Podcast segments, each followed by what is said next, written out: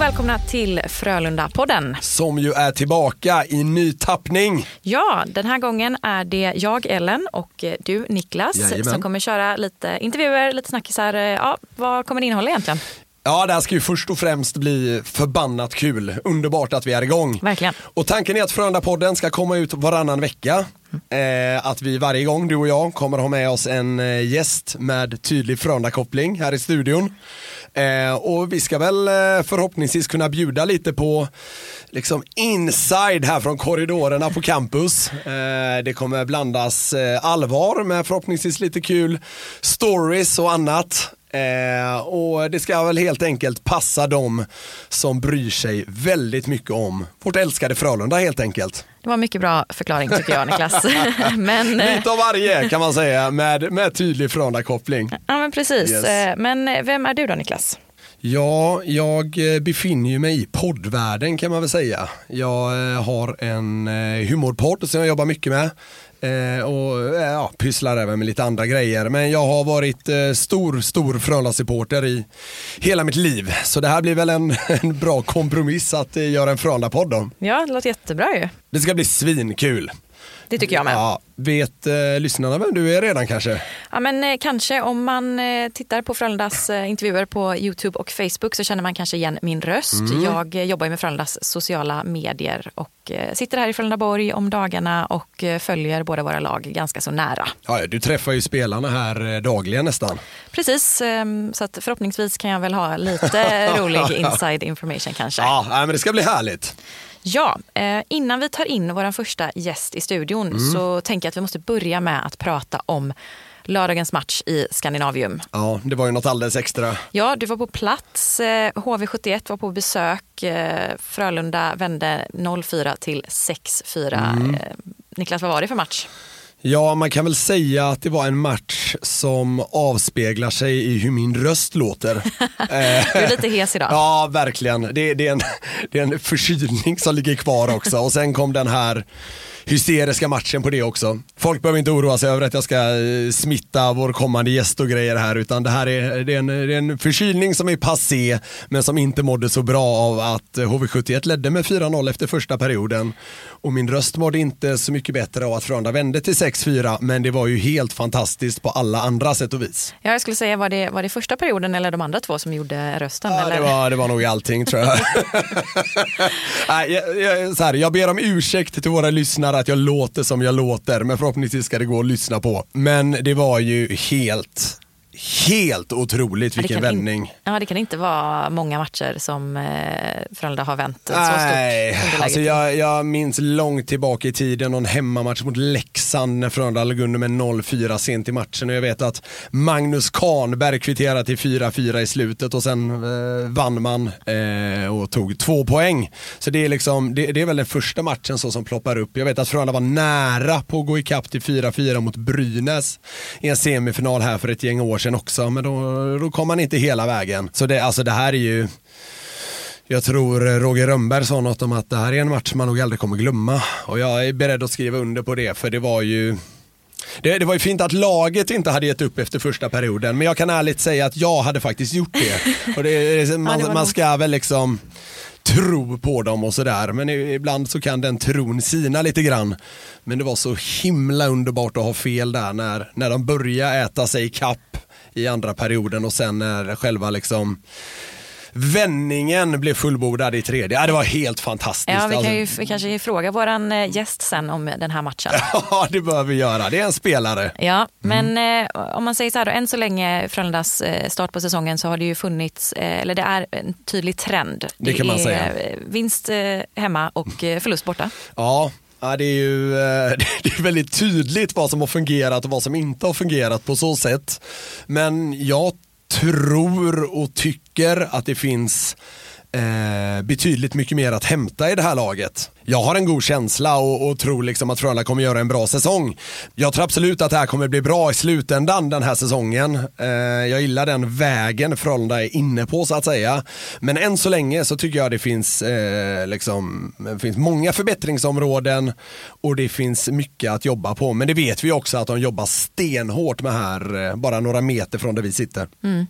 Även det kan vi fråga kanske vår gäst om sen då. Vi får se vad Jajamän. man håller med. Eh, Damerna hade två hemmamatcher här eh, sen, i helgen. Förlorade sin första eh, tävlingsmatch eh, och även sin andra. Ja. Det, mm, Det kom, allt kom på en och samma gång där ja, kan det man var säga. tufft, eh, Ja. tufft motstånd eh, i Luleå och eh, Modo. Mm, verkligen. Alltså, det är klart man inte vill ha förluster, men det blir ändå ganska intressant nu för om man ska hårdra det så är det här kanske den första riktiga motgången för Frölundas damlag. Och det blir väldigt intressant att se hur de ska hantera det. Eh, naturligtvis hoppas vi att de kommer snabbt upp på vinnarspåret igen. Det var väl naivt att tro att förluster aldrig skulle komma så att säga. Till slut kommer den. Det Ja. kanske på ett sätt kanske skönt att eh, ha den överstökad, den exakt. första förlusten. Ja, Och den andra. Och den andra. Ja. Jajamän. Men eh, ja, som jag var inne på, det blir intressant att se hur de ska hantera det här. Hoppas att de kommer upp på vinnarspåret så snart som möjligt. Verkligen. Men du, nu tycker jag att det är dags att eh, välkomna in vår allra första gäst. Niklas, varsågod med presentationen. Han är äntligen tillbaka i Göteborg efter ett dussin år på andra håll. Men det är med meriter som VM-guld, NHL-matcher, att vara dubbel schweizisk mästare och att i SUG har fått namnet Ostmannen. Som den här 32-åringen från Lerum nu gjort Borgen och Skandinavium till sina kontor igen. Som yngre förmåga fick Johns brorsa vinna TV-pucken och blev senare även årets idrottare på hockeygymnasiet. Det går i korridorerna nu rykten om att FHCs 48 vägrar byta hemmamatchtröja, men att han, kanske lite motsägelsefullt, också tillhör de smartaste i herrtruppen. Varmt välkommen som premiärgäst till Frölunda-podden, Kalle Klingberg. Tack så mycket, tack så mycket. Känner du igen eh, den bakgrundsmusiken där? Ja, alltså min första tanke var ju att det var Hajen. Där, den. Ja, just det. Det är ganska likt. Men sen kom den igång ordentligt, men jag har ju hört den hundra gånger. Kan det vara Hockey Night in Canada eller något sånt där? Jag, jag vet inte. Jag tänker på hymnen för en turnering som Frölunda har vunnit fyra gånger. Ja men för fan. Spengler Cup? Nej, den har väl inte varit med innan väl? Nej, jag vet inte. CHL. Är det CO? CHL-hymnen. Ja. Jo, det är det ja. Da, Ja, da, da, da, den- da, den- Inför varje match. Ja, just det. Man står där på blålinjen så står alla och spelar fiol och... Ja, eh, exakt. Visst. Just det. Ja, det stämmer. Den Du gjorde några CHL-vändor med SUG va? Ja herregud, Ja. jag har många CHL-matcher. Ja. Det har jag. Fint. Eh, tyvärr aldrig vunnit då, utan det längsta vi gick i SUG var väl till semi. Mm. Du har varit borta för länge helt enkelt. ja exakt. Ja. Eh, jag var inte rätt lag när, de, när, när det vanns helt enkelt. Mäktig hymn i alla fall. Vi Ja. ville ha med den på något sätt. Den har något. Eh, Kalle, ska du förklara det här med skjortan? du menar hemmaskjortan? Ja.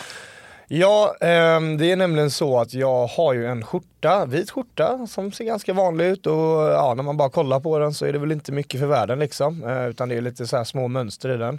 Men de här små mönstren är ju små, små hockeyspelare om man kollar riktigt nära. Och Ja, jag skulle väl bara ta på mig någonting inför första hemmamatchen och det var lite så här, ja, Ellen förklarade för mig att ja, men det är lite kul så här, killarna klär upp sig och så, så jag tänkte ju, ja, eh, det ska jag ha skjorta på mig i alla fall. Och så kollade jag i garderoben och så bara, den här är ju den jag ska ha.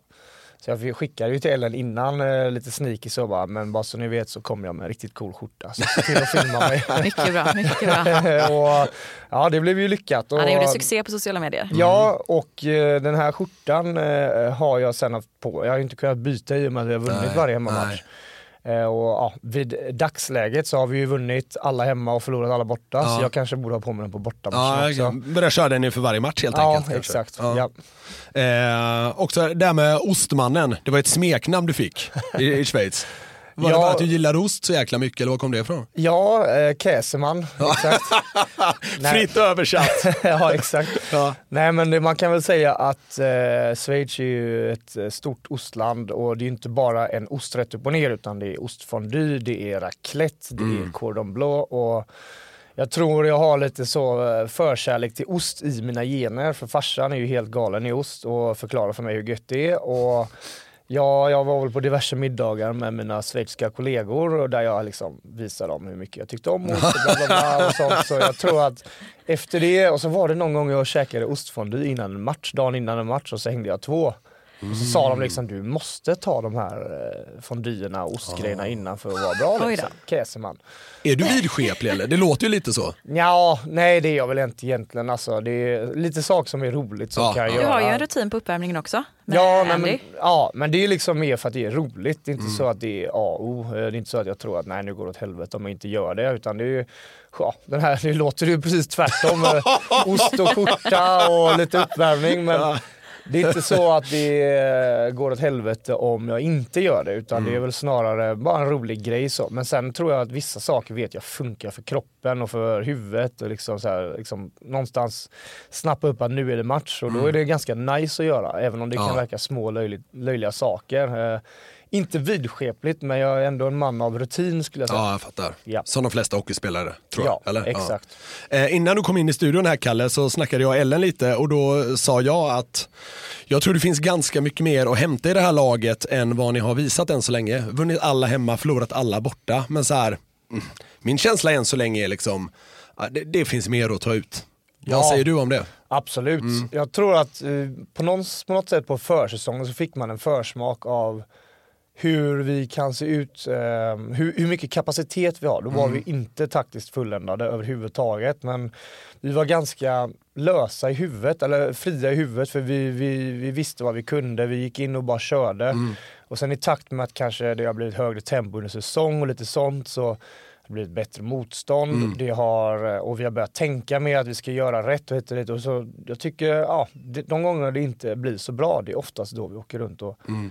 Tänker ganska mycket. Och Det är väl egentligen en grundtanken ganska fint att vi vill göra rätt. Men när vi börjar tänka då blir man en halv sekund långsammare i beslut, lite passivare och hamnar lite på mellis. När man säger alltid så här, "Ah, ja, vi hamnar på, alltså på, vad säger man, mittemellan hockey.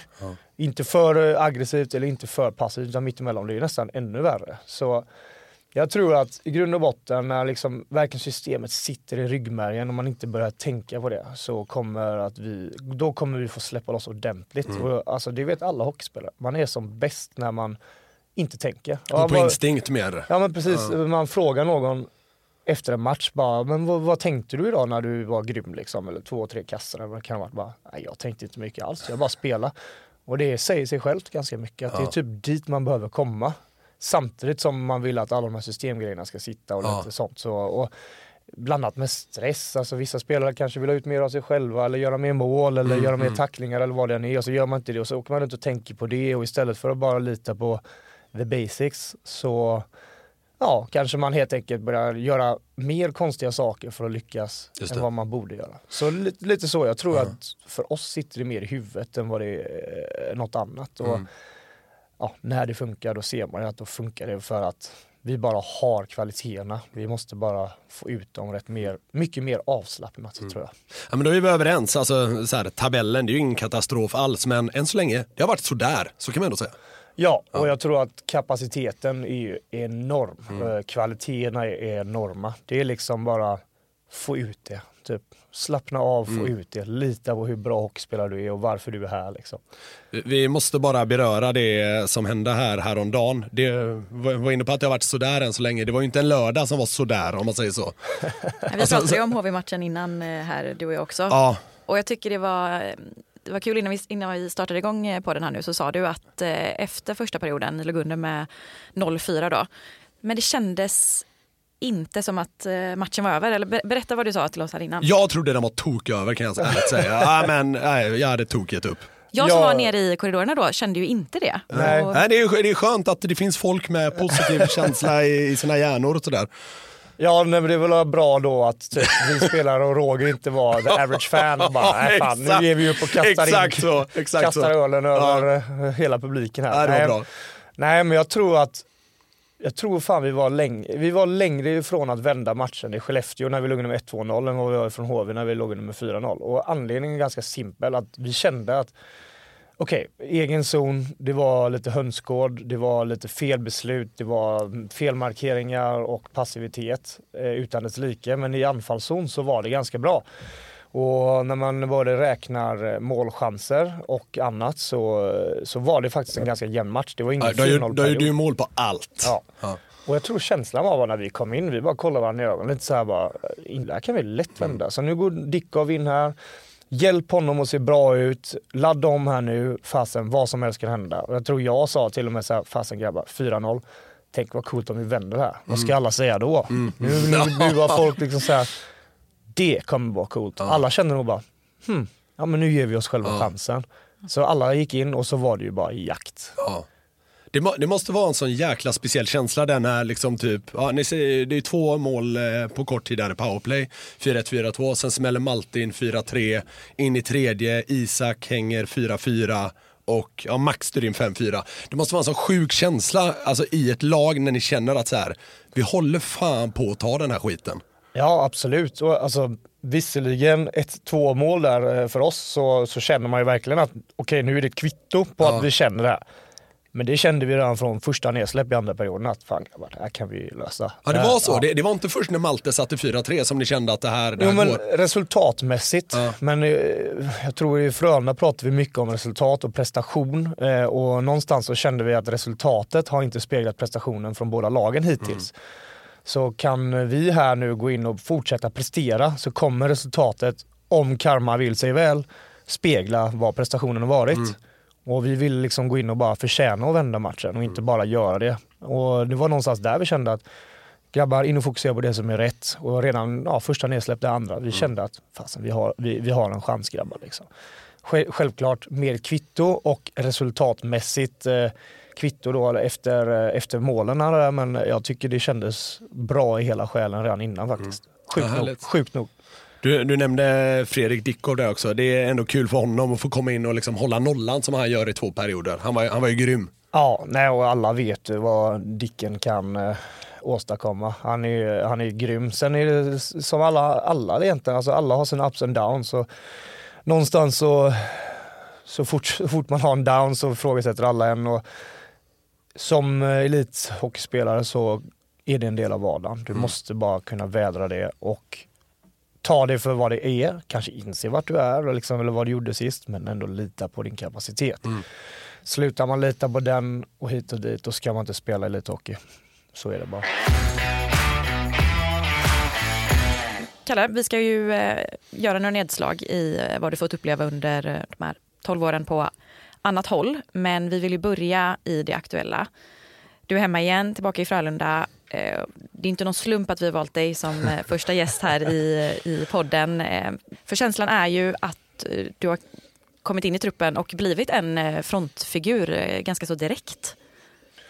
Ja, nej men jag tror att eh, det har varit ganska enkelt för mig. Det är ju väldigt många jag känner sedan innan. Det är ju familjär miljö, eh, både i borgen och i Skandinavien och människor från kontoret och allting. Så för mig har det mest eh, liksom varit att komma hem igen. Liksom. Det har inte varit en nystart. Så här. När allting är nytt då är det väldigt svårt att bara ja, få alla att liksom eh, lita eller, eller förlita sig på exakt den personen man är. Jag har bara kunnat komma in och vara mig själv. Och, jag är lite chockerad över att man kan komma in och liksom eh, vara borta i 12 år men sen direkt bli chef över musiken i omklädningsrummet.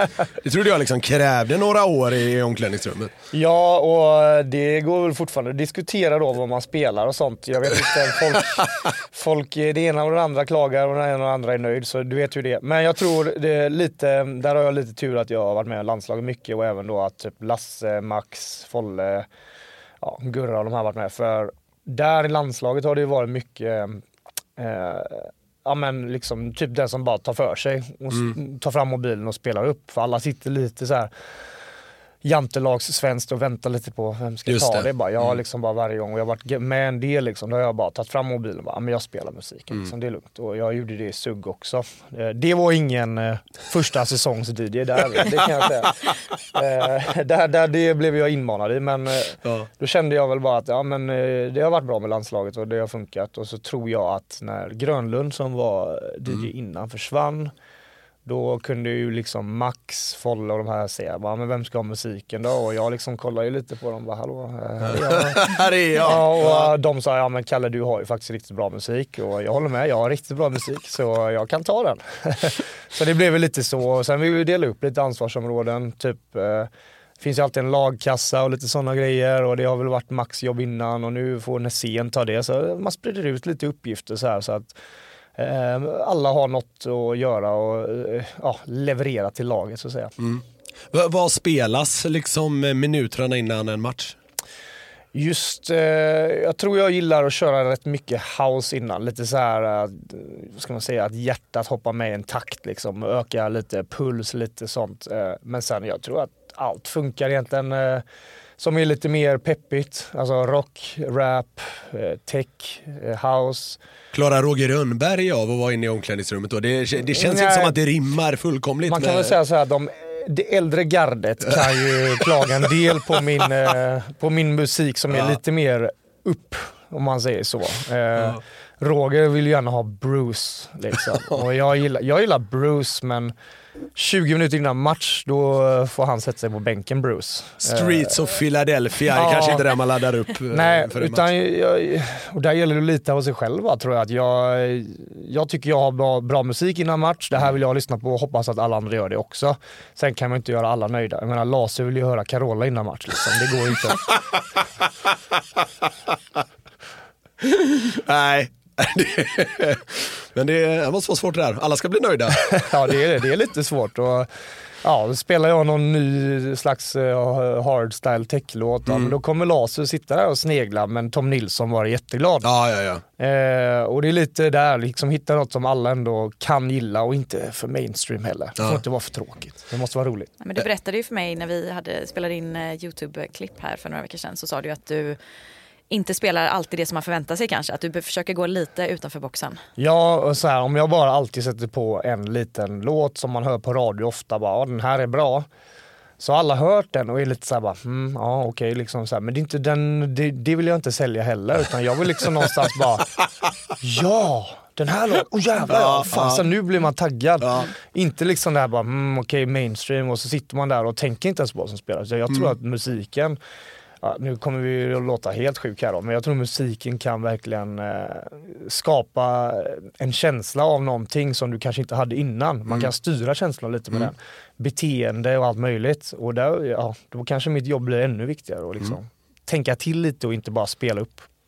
Det, du känns himla så här genomtänkt i de här resonemangen måste jag säga. Alltså, Är du så jäkla smart som det viskas om här i korridorerna? Jag måste, faktiskt säga, ja, men jag måste faktiskt säga innan du svarar på det att eh, inför det här då så har jag ju pratat med lite folk i laget och runt omkring och sagt liksom, "Ja, har ni något kul på Kalle så kan ni väl säga det innan vi spelar in podden. Ett jäkla tjat om hur intelligent han är.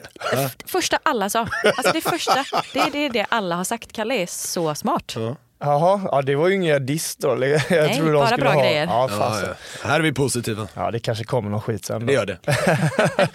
Nej men eh, ja, jag vet inte, jag, jag vet inte om jag tänker så mycket med det, men det är liksom bara en känsla jag känner att jag gillar inte heller att lyssna på samma låtar lite så, för att jag tycker det blir tråkigt. Om jag tycker det, då måste ju alla andra kanske tycka så med. Eller alltså, alla är olika såklart. Eh, Men eh, om man utgår från sig själv och lite vad man själv tror och tänker är bra för en och då kanske det är lika bra för de andra och så kan man sälja den idén och det gäller kanske inte bara musik, det kan gälla beteende, det kan gälla känslor, humör, allt möjligt liksom. Hur man kan ändra på en, ja, men en, en, en miljö, en, en känsla som finns just nu genom att bara typ kanske öppna upp ögonen för någonting annat och gå lite utanför ramarna. Typ. Men känner du dig själv som liksom Frölunda Borgs Einstein? Ja, Ja, det gör jag. ja. nästa fråga. Om, om vi säger så här, jämfört med de icke-Einsteinsen som finns här. så kanske, men allting är ju relativt. Eh, sätter du mig i ett rum med vetenskapsmän så är antagligen jag eh, nya korkskallen liksom. Men Lars berättade att när ni var iväg på någon eh, lagaktivitet och ni skulle komma ihåg siffror, att du kom ihåg liksom hur många siffror som helst och det var liksom Ja. väldigt bra minne också tydligen. Det, Ja, nej men det var ju sjukt faktiskt. För det var ju en, tänk dig Bragebacken liksom, typ. Eh, Och vi har ett tomt ark på nedansidan den här Bragabacken och ett fullt ark med alla siffrorna där uppe. Ja. Du måste alltså springa upp och så ska du komma ihåg de här siffrorna alltså som Okej, lag och så ja. ska du skriva ner dem på längst ner. Så det handlar om att springa upp, bli helt slut, läsa, läsa, komma ihåg och sen ner och så skriva ner dem då. Och jag tror det var 100 siffror med 10 siffror på 10 rader. Mm. Och ja, ja, jag vet inte om det var för att grabbarna var slut, inte kunde fokusera eller så men för mig att bara stå där och plugga en, minut på de här siffrorna och komma Ja. ihåg 10 i rad, det är inget problem. Det är som ett telefonnummer, det kan jag komma ihåg. Ja. Men jag tror många inte klarar av mer än 3-4 i rad. Så det, var, det slutar väl med att jag av sex grabbar kommer ihåg 50 siffror och de andra, de andra 50. Och Ja. Ja, det är väl bättre än de andra då, men jag tycker inte det lät så konstigt.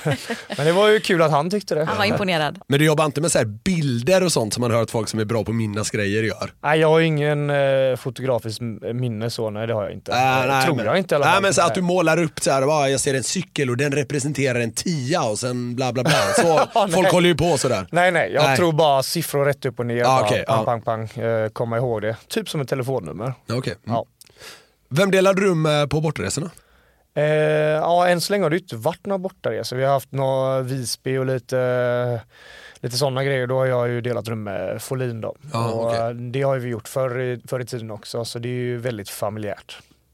Folin. Mm. Snarkar han? Nej men det gör jag. Ja, Okej. Så jag tycker mer synd om honom. Okej. Eh, jag, snarkar, jag snarkar när jag är förkyld, när jag är väldigt trött eller när jag har druckit. Okej. Eh, och ja, eh, jag tror att han har klarat sig ganska bra ändå för det blir liksom så här, det blir ju inte så mycket alkohol på matcher eller borta Nej, grejer. Det är ju liksom fokus på hockeyn. Och, eh, ja, oftast är man helt okej utvilad för det är ju hockey som gäller. Så, och så förkylningen har jag klarat mig från än så länge, knack Mm. knack ta i trä. Men, ja, så han har nog undkommit det men det kommer några borta resor där så vi får väl se om han klarar sig då eller inte. Ja. Kanske blir att Frölunda får investera i en sån snärkmaskin för att Folin eh, ska hålla humöret uppe. Ja. Jag tror det dök upp någon anonym fråga från truppen eh, Ellen va? Det här Just det, ja, men jag har ju eh, frågat runt lite då. ja. Eh, då var det en som eh, tyckte vi skulle fråga, eh, är du någonsin tyst? Oj, eh, ja men det, det händer men jag är väldigt extrovert. Så när jag får mina tankar så vill jag gärna dela med mig av dem. Och på gott och ont ibland kanske. Eh, nej men, eh, så här, jag gillar att köta, jag gillar, jag, det är inte så att jag bara måste ta plats eller så utan jag, vill, jag tror jag bara har mycket tankar och funderingar och filosoferar och lite sånt ibland som jag bara vill dela med mig av och tänka och hit och dit. Och sen tycker jag det är tråkigt att bara sitta där och kolla på varandra och bara, ja, Mm. det är väl godare att köta liksom. Så ska en göteborgare Ja. tala. Ha? Goare att köta. Ja, Det nej, men det, och det är klart, jag som alla behöver väl ha lite tid ibland när man bara behöver vara ensam och bara typ kolla på mobilen och Mm. andas liksom. Så ja, det händer. Men fasen här på rinken, det är så många som är roliga och det är så, så gött kött så nej, då vill jag inte vara tyst. Nej. Alltså du upplevs ju, i alla fall jämfört med snittspelaren, väldigt frispråkig. Och nu hände det ju en liten grej för ett par veckor sedan eh, som baserades på något som du sa. Gör något sånt att man kanske blir lite mer återhållsam med vad man säger längre fram. Ja, alltså jag tror ju självklart att man kommer tänka en eller två gånger till innan man pratar Ja. eh, när det gäller olika saker. Samtidigt så tror jag sa det i någon intervju där med GP också att fasen om jag börjar bli tyst nu och hit och dit då förlorar jag på något sätt ändå. Alltså, Ja, jag, ja, ja. Då kommer jag förlora mig själv och då kommer jag ju aldrig känna att jag liksom får utlopp och vara den jag är. Eh, så egentligen nej, jag ska nog fasen se till att jag är mig själv så mycket jag bara kan. Eh, och, men sen, sen är det ju en fråga liksom om saker man kan skämta om och lite sånt. Det finns ju, ja, får man ju lära sig än idag då vad man eh, kan och bör säga liksom och skämta om och sånt. Utan jag tror det finns ju, egentligen tycker väl jag nästan till att man ska kunna skämta om allt. Men det är alltid en fråga om perspektiv. Att så fort någon inte tycker det är roligt så är det inte roligt att skämta om. Eh, och det tycker jag egentligen så här om man Egentligen i grund och botten, om du inte skämtar om något, då har du ju redan satt liksom en liten label på att ja, det här är någonting tråkigt och allvarligt. Man kan alltid göra allting roligt men då ska alla tycka att det är någonting att uppskatta. Och så fort, ja det är liksom det är väl första regeln i typ en sån sak som mobbing. Så fort man skämtar om varann och hit och dit men någon faktiskt tar illa upp och det. tycker det är kul, då är det inte kul längre. Det. Det tycker inte den som skämtar om det heller. Så jag tror det, det handlar om en fin linje där, hitta det här sättet man kan hetsa med varandra, vara rolig, Mm. skämta men ändå typ inte gör det på någons bekostnad så Ja, att just de far illa ut. Utan det är fan nummer ett, att alla ska må bra av det Mm. i så fall. Det kan ju höja någonting. Mm. Ska inte sätta några spikar ner i, i den kistan. Nej. Ja, men jag blir ändå glad över att höra det att så här, du, din plan är att fortsätta gasa på så att säga. För alltså, alltså, mycket av det jag hör att folk klagar på idag kring hockeyspelare är att liksom, det är ganska slätstruket. Alla säger ungefär samma saker. Och då är det rätt härligt med liksom, en färgklick som vågar liksom, smeta på lite grann och ja, köra på helt enkelt. Som, som jag upplever att du gör generellt. Ja, och jag tror ärligt talat, jag bara säger det som kommer upp i huvudet. Liksom. Eh, på gott och ont då, tydligen så kan man ju säga saker som inte alla tycker är bra. Och det får man ha med sig och lära sig av. Men eh, ja, det, jag tror bara så här, var det själv. Eh, Kommer det upp något roligt, Ska jag då i så fall, om vi vänder på det, ska jag i så fall få den här tanken, ha orden på tungan och sen bara Ja. Nej men ja, idag så backcheckar vi, forecheckar och allting. Ja. Ja, vi Och mycket skridskor. Och, och åker mycket skridskor och Vi vill spela vårt spel. ja. Och vi ska spela vårt spel. Det blir inte riktigt jag. Nej. Då, då liksom blir det glapp i mitt system på något Mm. vis. Vi kan väl säga det, om någon skulle mot förmodan ha levt under en sten så gjordes det ju en liten utredning om matchfixning. Ja. Eh, som, ja, du var involverad i. Long story short, det var inte med flit. Att säga saker och ting och hejt och jag, Allting var ett skämt. Men det är Mm. Ja. som, som vi var inne på, man ska i så fall göra det så att det funkar för alla. Härligt. Men på tal om eh, frågor som ställs ofta eller svar som att det är ofta samma svar så ska jag väl ställa en fråga nu då som jag antagligen redan har ställt till dig i en eh, intervju på Youtube. Men hur är det som göteborgare att få komma hem och få spela i Skandinavium? Ja, äh, men det, är- det är en återkommande fråga självklart, men det är också en jävligt rolig fråga. Eh, jag kan nog säkert sitta i fem minuter och bara babbla om olika saker, men jag tror att generellt sett, jag har varit utomlands i 11 år, eh, spelat på platser, blivit ett med kultur och stad på det ena och det andra stället i Kanada, Ryssland och Schweiz.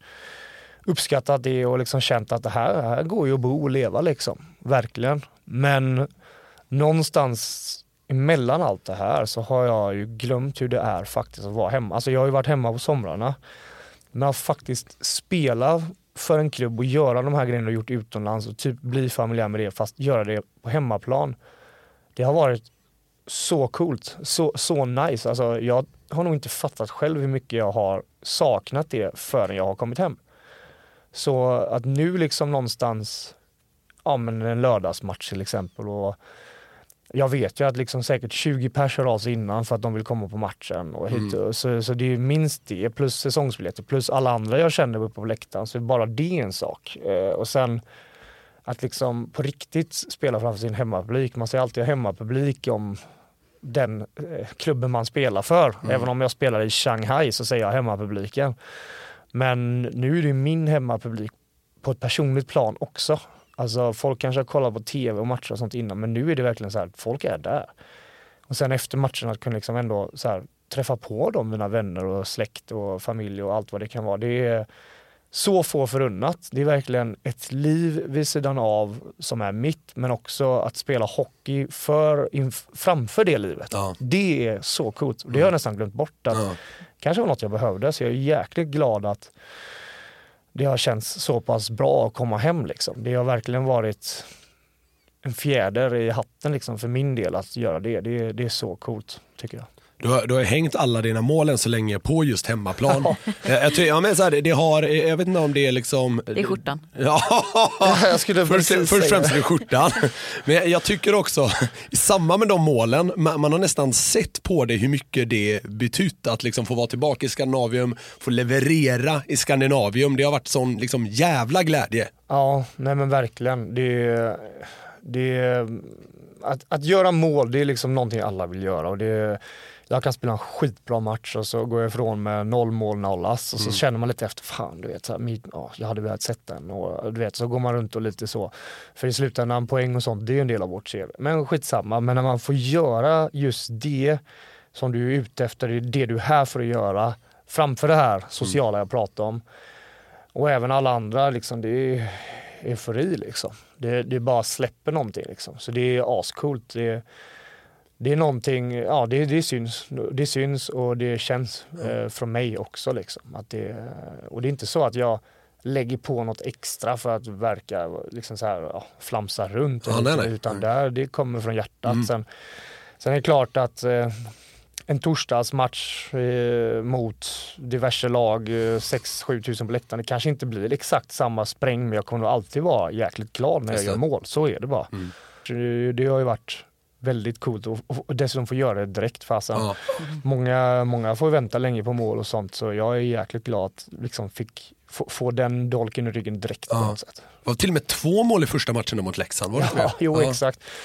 Ja, Det var en bra start på hemmaplan. Ja, nej, men ironiskt sett också så tycker jag att eh, då kanske man inte hade asmycket chanser eller spelade asbra än, lite ovana, lite så här värme och allt möjligt. Så, men fick in kassarna då, Mm. men jag tycker nästan det har gått ännu bättre mot slutet och då har jag inte gjort mål. Så Hockeylogik igen. Ja, det där, går, det där går lite som lite i vågor. Så jag ska liksom inte bara säga mål, mål, mål betyder allt. Vet du, utan gör du det bra ute på isen så kommer målen Mm oftast spegla ditt, din prestation, om man säger så. Eh, Så ja, målen asnice har gjort, men nu vill jag göra mer. Så känner Mm. jag. Det är många matcher kvar. Ja, och sen är det lite där med skjortan då. Ja. Kanske, kanske, det kanske är det som gäller bara. Laget vinner och Kalle gör mål om man har på sig skjortan. Då får vi ha det på bortaplan också. Fan, jag är livrädd för att den där skjortan ska bli urtvättad så att du inte kan använda den längre. Liksom. Jag får la köpa en till. Ja.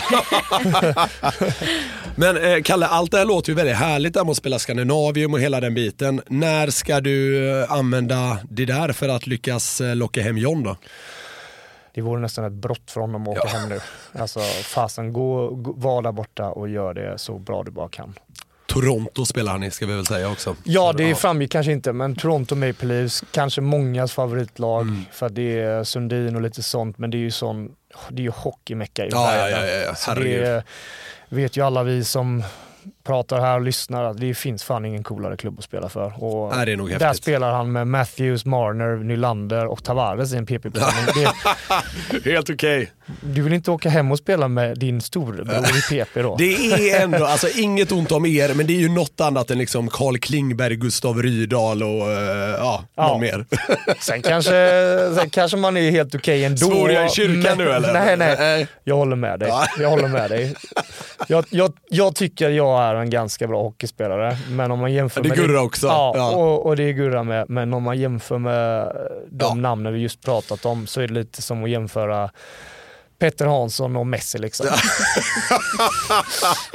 Ja men det är härligt, vi ska, vi ska tala väl om Frölunda, men vi kan också vara ärliga. Ja, exakt. Och det, det finns ju nivåer till liksom.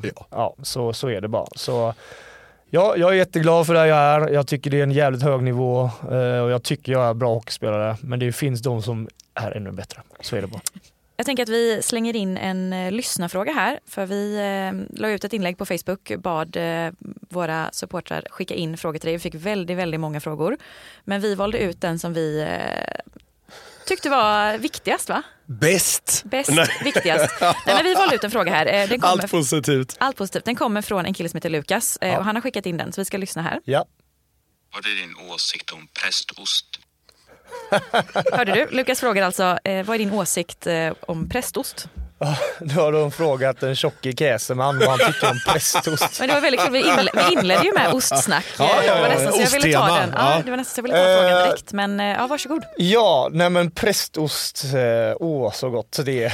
Det, ja. det, nej men det, man har ju blivit, fått lite förkärlek till vissa schweiziska ostar och sånt och lärt sig lite vad man tycker om och inte. Mm. Varit lite sämre på det svenska, men om jag får välja en ost i Sverige som är min favorit så är det prästost. Ja det är så. Är det sant? Ja. Hur Sen- lagrad ska den vara? För när den är väldigt lagrad blir den väl väldigt porös. Jag skulle säga så lagrad som möjligt. Är det så? favorit. Ja, ju mer smakrik desto bättre. Okej, Så- Är det inte jobbigt det här att den faller sönder och sådär då? Eller Den ska ändå falla sönder i magen så det är lugnt. Ja, Okej, ja. Ja. det kan man ha överseende med. Ja. Nej All men right. jag vill gärna ha smakrik ost, liksom plain, tråkig, ja, mellanmjölksost. Det är inte min grej. Nej, Får right. gärna smaka mycket. Ja, skönt att vi redan i första avsnittet kunde avhandla en sån viktig fråga tycker jag. jag tycker det var otroligt viktigt. Ja. Kalle, du lämnade Frölunda 2011. Eh, blev en kort session i Timrå innan du flyttade till Nordamerika. Vilket är det starkaste minnet eh, av eh, strax över fyra år där borta?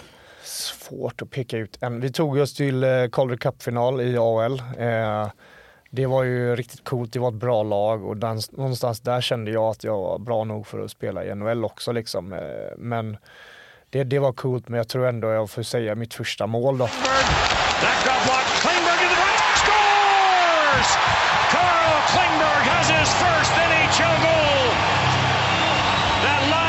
Det var liksom att, spela NHL, alltså få en match, det, var liksom, det har varit allas dröm tror jag, alla hockeyspelares dröm någon gång.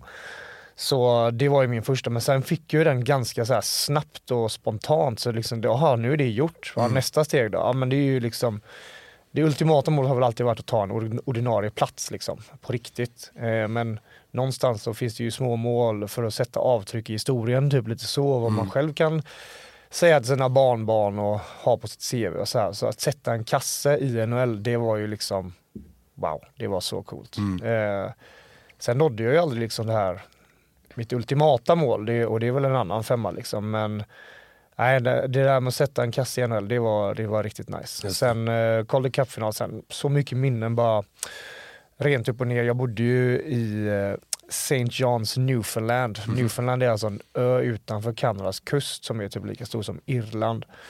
Och ja, man börjar, brukar prata om Montreal och Toronto som liksom östkuststäder i Kanada. Fast det tar ändå tre och en halv timme att flyga till St. John's österut från Toronto. Är inte det så Nordamerikas östligaste stad? Det stämmer.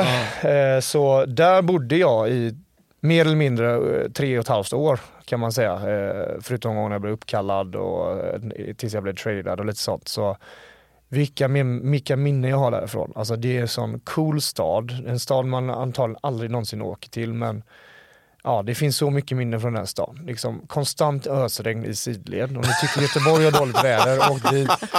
Eh, snöstormar på vintern som lamslog elen på hela ön. Nordamerikas Borås, låter det som.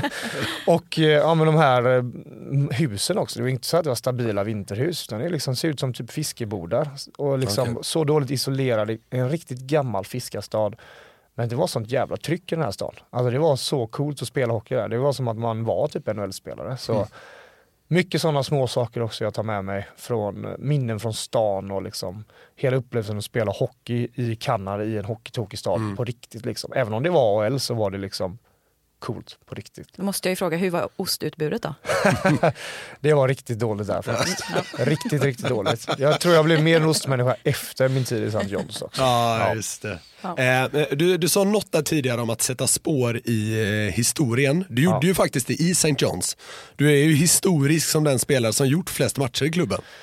Ja, 281 stycken totalt. ja, ja nej, det stämmer faktiskt. Jag, klubben skapades ju, alltså hela, hela mitt NHL-äventyr kan man väl säga. Jag blev ju draftad av Atlanta och åkte över dit, signade med dem, eh, spelade för Atlanta en match och åtta för Chicago Wolves, eh, deras farmarlag.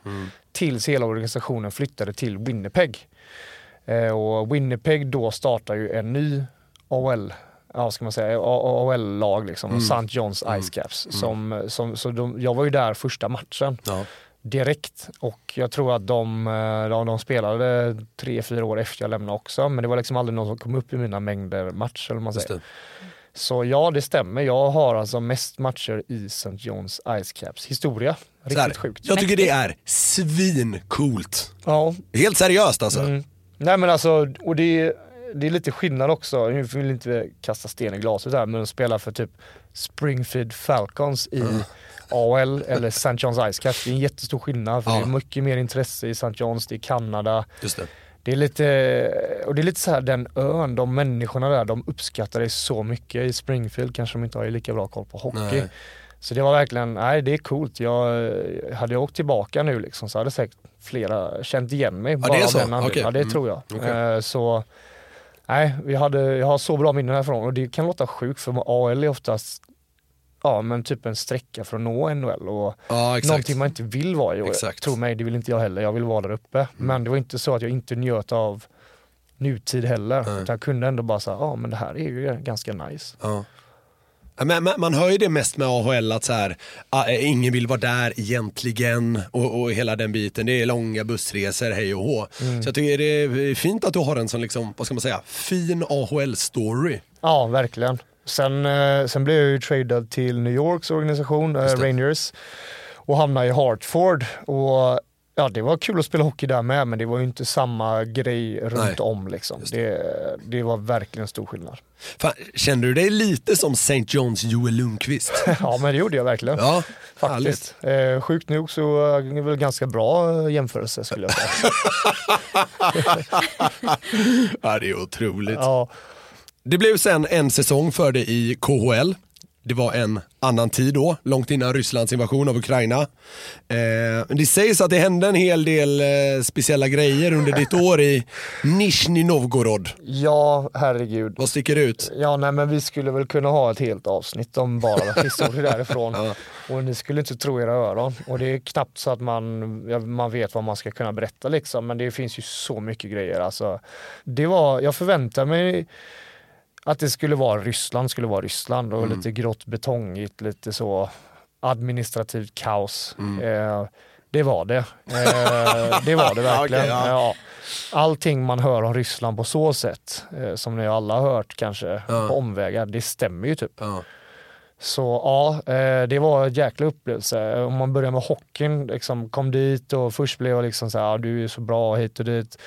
Eh, vi kommer älska att ha det här och så gick det ganska fort till man hamnade i fjärde och egentligen blev utskälld varje dag. ja, just det. Eh, och, Tålamodet är inte kanon kanske. nej, och det, ja, det kan man väl säga vad man vill om, men det var inte, jag var inte ensam om att ha en tuff situation med tränarstabben där kanske. Eh, så det, jag hade det väldigt tufft där och det var väl kanske det som jag tyckte var värst med Ryssland. Men om man tar bort det, lagkamrater, eh, kontor, organisation, fasen, det var, det var kul liksom. Det, det var bra människor och det var också en riktigt bra stad att bo i. Eh, alltså Nizjnij Novgorod, det är säkert ingen hört talas om, men det är Rysslands femte största stad och har över en miljon invånare. Så det var, eh, det var en fantastisk upplevelse så sett. Eh, sen att det hände mycket sjuka grejer kring laget och att tränaren säger det ena och det andra och skäller och ja, hamnar nästan till med slagsmål med spelare. Och, mm. ja, för att nämna så några få saker. Det är, det är väl en del av den ryska upplevelsen på så sätt. Men det finns ju, det finns ju andra stories om grejer som man har varit med om liksom utöver allt det här också som är helt exceptionella. Liksom. Det, det kommer aldrig hända igen och man kommer aldrig se det igen och man kommer alltid kunna berätta det och alla kommer alltid kunna skratta åt det. Nu undrar folk var- vart du är på väg här. Ge oss någonting. Ja, nej men eh, jag har ju till exempel kysst ett 200 år gammalt lik. Ehm, jag har eh, blivit, eh, ska man säga, inte antastad men vi stod i omklädningsrummet och en rysk ortodox präst kom in och skulle välsigna oss inför slutspelet. Och ja, liksom, ryssarna är ganska religiösa så de gick ju fram och fick lite heligt vatten så här skvätt över huvudet. Och stod ju vi im- importer där bredvid bara, ska vi gå fram eller inte? Och ryssarna bara, nej men ni behöver inte göra det, bara stå med liksom. Och då blev ju prästen arg liksom. Så han stod och kastade liksom vatten över oss och alla ska, alla ska ha helt vatten på sig, lite så. Och ja, lite så argt och liksom nästan piskande med den här eh, heliga vattenpiskan. Så, Du måste välsignas.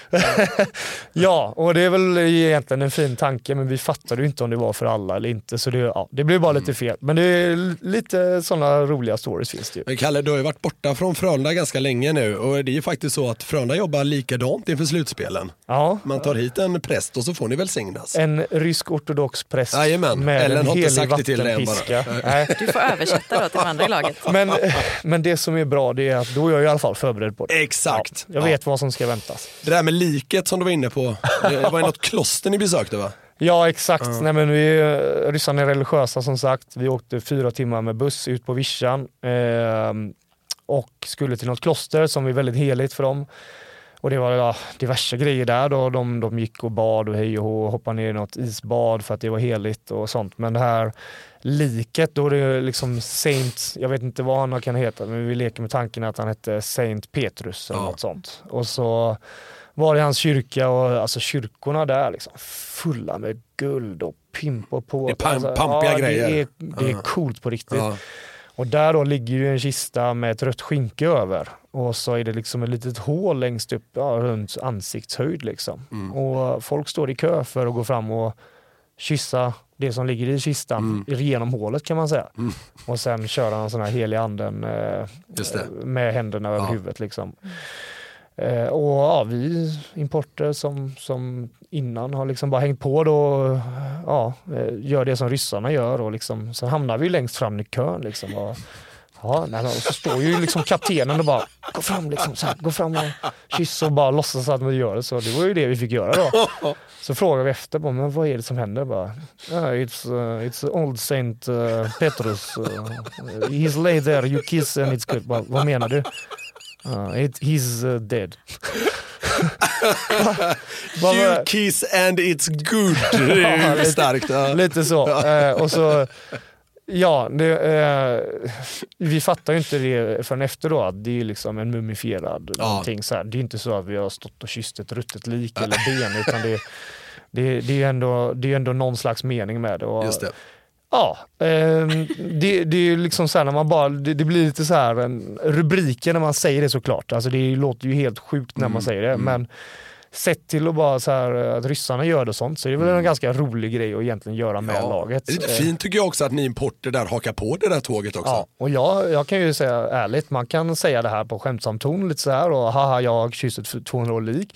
Det är ett bra, det är ett bra citat. Ja, precis. Men själva upplevelsen är ju liksom, eller äh, återberättande är ju roligare än upplevelsen och Ja. upplevelsen är ju egentligen så här lite, jag gör det här för er lagkamrat så att ni tror att vi blir välsignade då. Ja, just det. Ja, Just så. det. Mm. Så äh, ja, nej men det var riktigt, riktigt ball och riktigt sjukt stor äh, att få med sig liksom. Så, Jag tänkte, fin- finns det någonting eh, man gör här i Sverige som eh, importerna här tycker är konstigt? Alltså nu har ju vi så få importer från lång annan kulturell Mm. eh, area liksom. Vi har ju en finne, en norsk och en Innala. dansk. Det är liksom, Jo, jo, men det man, ska, varit man ska lite- över Östersjön. Det har ju Ja. varit några stycken jag tänker Ja, jag, ja, genom ja, åren. ja, jag bara ja. tänker, är det någonting vi, vi liksom... eh, Jag tycker det är en jättebra fråga faktiskt. Ja, nej men eh, Svårt, så, med de här tre då? Nej, det tror jag inte. Men, eh, men om, man, om man kollar En liksom... dansk, en norrman och en finne. Ja, det låter som en Bellman-historia. Ja, det. Eh, nej, alltså det är klart. Jag, jag kan väl säga ärligt att när man har spelat utomlands så har det varit tydligt vilka som är varifrån Ja. utifrån hur de ter sig. Just det. Inte hur de pratar eller att de sagt att de är från något ställe. Så det är ju väldigt tydligt vilka som är varifrån.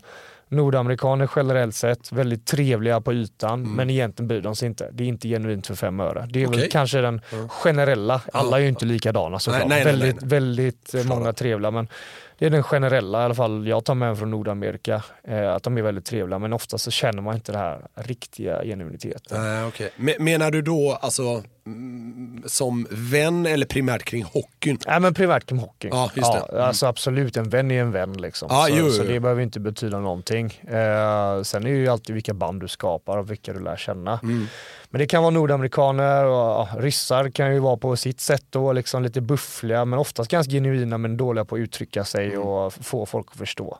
Och väldigt, eh, vad ska man säga, de, de, är, de är från en annan värld liksom. De, de, andra saker är viktiga och sånt. Eh, och så länge man typ accepterar att de är som de är och inte försöker ändra på dem så kan man ha ganska roligt med dem. Just det. Eh, och checker det på ett sätt och lite så. så ah, Jag vet inte om det är, jag kan ta upp något exempel på något vis utan alla är olika men man märker väldigt tydligt på kulturella skillnader och vad folk tycker är viktigt och sånt i livet liksom. Är inte klassikern att nordamerikaner som, eh, som kommer till Sverige tycker det här med fika är helt otroligt? Jo, verkligen. Lash snackade väl aldrig om något annat än fika? Liksom, Nej, men- men det var något sånt jag tänkte liksom. eh, Ja. Fika? Ja. Fika. Swedish fika. Ja, exakt. Nej, men, och det är väl det är också en grej som många där borta i Nordamerika visste om innan man ens sagt till dem. För att de har hört om det här. Vad är det där för något? Liksom? Alltså det är en kaffe. eh, kanske, det är inte så dramatiskt. kanske en bulle eller liksom... Oftast inte, oftast bara en kaffe va? Ja. Det är det som är det tråkiga. Eller ja, men om, om du vill lyxa till då en bulle eller en kakbit. En biskvi. Mm. Ja, nej men det är egentligen inte mer konstigt att de sätter sig på Starbucks på malet och tar en liten fika när Ja. de shoppar. Eh, Men de kallar det ju bara inte fika, de är nog mer eh, häpnade över att vi kallar det för någonting. Ja. exakt. De säger coffee, Ja. sit down coffee. Ja, exakt. Vi säger fika, för Ja. dem är det bara wow, vilken grej. Ja. Ja. nej, det är inte så coolt. Det är, det är, väl, lite, det är väl lite som eh, typ eh, lättmjölk och fet mjölk. Det finns ju i Sverige och så har vi ju det här mellanmjölk. Ja, just det. Det finns ju inte direkt någon eh, direkt översättning till Nej, mellanmjölk. nej, nej. Eller typ lagom. Ja, exakt. Lagom finns inte Ja. där. De fattar inte det och det är väl lite där fika hamnar också. kanske. Det är det de borde bli golvade av nordamerikanerna. Ordet lagom. Ska, ska jag säga till dem att ska vi gå och ta en lagom lång fika? Ja, då är de i sjunde himlen. Då är det bara, vad, vad är det som händer där? Wow, det här är coolt. Ja, härligt. Svenska upplevelser. Ja, Svenska exakt. Experience. Eh, lite kort också Kalle, det blev ju sju år för dig i SUG Ja. och två mästerskapstitlar. Eh, vad tar du med dig från de åren utöver att du typ är flytande i tyska? Ja, nej men där tar jag ju åt mig otroligt mycket. Eh, livserfarenheter, eh, hockey. Jag tycker jag blev mycket bättre hockeyspelare. Alltså så otroligt mycket. Jag har verkligen haft ett liv där. Ett liv som jag har skapat på något sätt. Och, nej, så, så otroligt mycket kan jag ta med mig därifrån. Och om man börjar med bara livet i sig, som du sa, tyska men också kulturen. och hur jag kände att jag var en del av liksom samhället på något sätt. Ja. Eh, många tror jag inte hamnar där i Schweiz, för Schweiz Nej. är ganska restriktiva och stöter bort folk som inte är som dem. Mm. Men om man verkligen försöker liksom anpassa sig och vara en del av det, då tror jag att man har väldigt mycket nytta av det. Så är det väl kanske generellt sett överallt då. Mm. Eh, men eh, ja, jag fick det verkligen att funka bra där. Och, Det känns som att det verkligen blev ditt hem under de åren. Exakt, nej men det, det var verkligen så. Eh, så. Så många bra människor runt om organisation och spelare och så otroligt vackert som det är. Alltså jag tror att många kanske åker dit och bara, ja men det är vackert och så liksom uppskattar de det men inte på riktigt uppskattar det som ligger lite bakom allt det här vackra och lite sådär. Alltså man verkligen embracear folk och deras kultur och ja, deras språk då till exempel. Eh, Så ja, nej, jag blev verkligen en del av, en del av det där. Och det var, det blev ju, det blev väldigt bra kan Ja. man säga så, när det också fick synas sen på isen att liksom, det gick bra. Och, ja, då, då blev man uppskattad kan man väl säga. Eh, Just det du beskriver nu är väl också en stor del av anledningen gissar jag till att eh, du åkte ner här för ett par veckor sedan och blev hyllad där på isen inför publik och sådär. Hur var det? Ja, nej det var ju hur stort som helst. Alltså, man har ju sett liksom spelare tidigare i olika organisationer och bli hyllade sådär och då har man ju hört talas om dem alltid. Det är alltid liksom en legend till en klubb eller något sånt där. Så det att, att stå där på isen och se sig själv på ett tifo, och la, eller klacken står och hurrar och eh, det är, det är nästan svårt att ta in ännu liksom. Det, det, man, man kan vinna och sånt och då är det en milstolpe i ens karriär. Det här är lite en milstolpe för mig eh, i ett i avtryckarkretsar om man säger så. Hur man kan sätta ett avtryck för en organisation. Så Nej, det är någonting helt fantastiskt och jag är är rörd, jag blir eh, stolt, glad. Allt möjligt ni kan tänka er. Liksom. Det, det var riktigt fräckt. Så det betyder ju ändå att man har gjort någonting rätt under lång tid. Eh, ja, att de ser en som en. Eh, så, som en del av deras kultur och organisation och deras lag. Liksom. Så nej, jag är jättestolt, jätteglad över att det kunnat bli som det blev där och att jag ändå får lämna med flaggan i topp på något sätt. Just det. liksom. Ja. Som en sista liten grej här i podden eh, så tänkte vi att vi kommer ha ett eh, stående inslag där eh, varje gäst får chans då att ge ett tips till våra lyssnare. Eh, Och det kan handla om precis vad som helst egentligen. Så att, eh, Kalle, har du något tips till oss och alla lyssnare? Herregud. Jag har ett matchtips. Nej, jag skojar.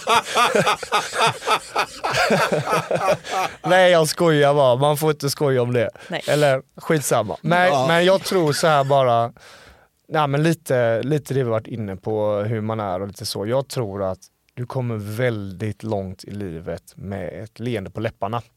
Att det är klart att du, du ska alltid ta allting på allvar om det betyder någonting och det kommer jag alltid göra med och det hoppas jag att folk ser. Man får inte glömma av att ha roligt under färden. Alltså folk som har mål, folk som är ute efter saker och kanske knackar och sånt, då blir man väldigt så här, ah, jag når inte och du vet, blir det... Glöm inte att njuta av livet här och nu, le lite och ja, glöm inte bort att du lever bara här och nu. Eh, sen kan du alltid oroa dig om sen. Men man får inte glömma bort att bara vara där man är på något sätt. Det var visa ord tycker jag. Jättebra sätt att avsluta podden på tycker jag. Tack Nej, för att du eh, satte dig ner här med oss en stund, eh, Kalle Klingberg. Ja, det var jättekul. Ja, det var Eh, underbart. älskar sånt här, så ja, skitkul. Tack för att jag fick komma. Tack till alla som har lyssnat. Vi är tillbaka med ett nytt avsnitt om eh, två veckor. Då med Roger Rönnberg. Uff, han ska grillas. Ska han verkligen göra. Tack så Ja. jättemycket. Tack för att ni har lyssnat, ha det gott! Hej då! Ja, eh, hej då. Eh, ha så kul om två veckor med Roger. Det ska jag ha med honom imorgon.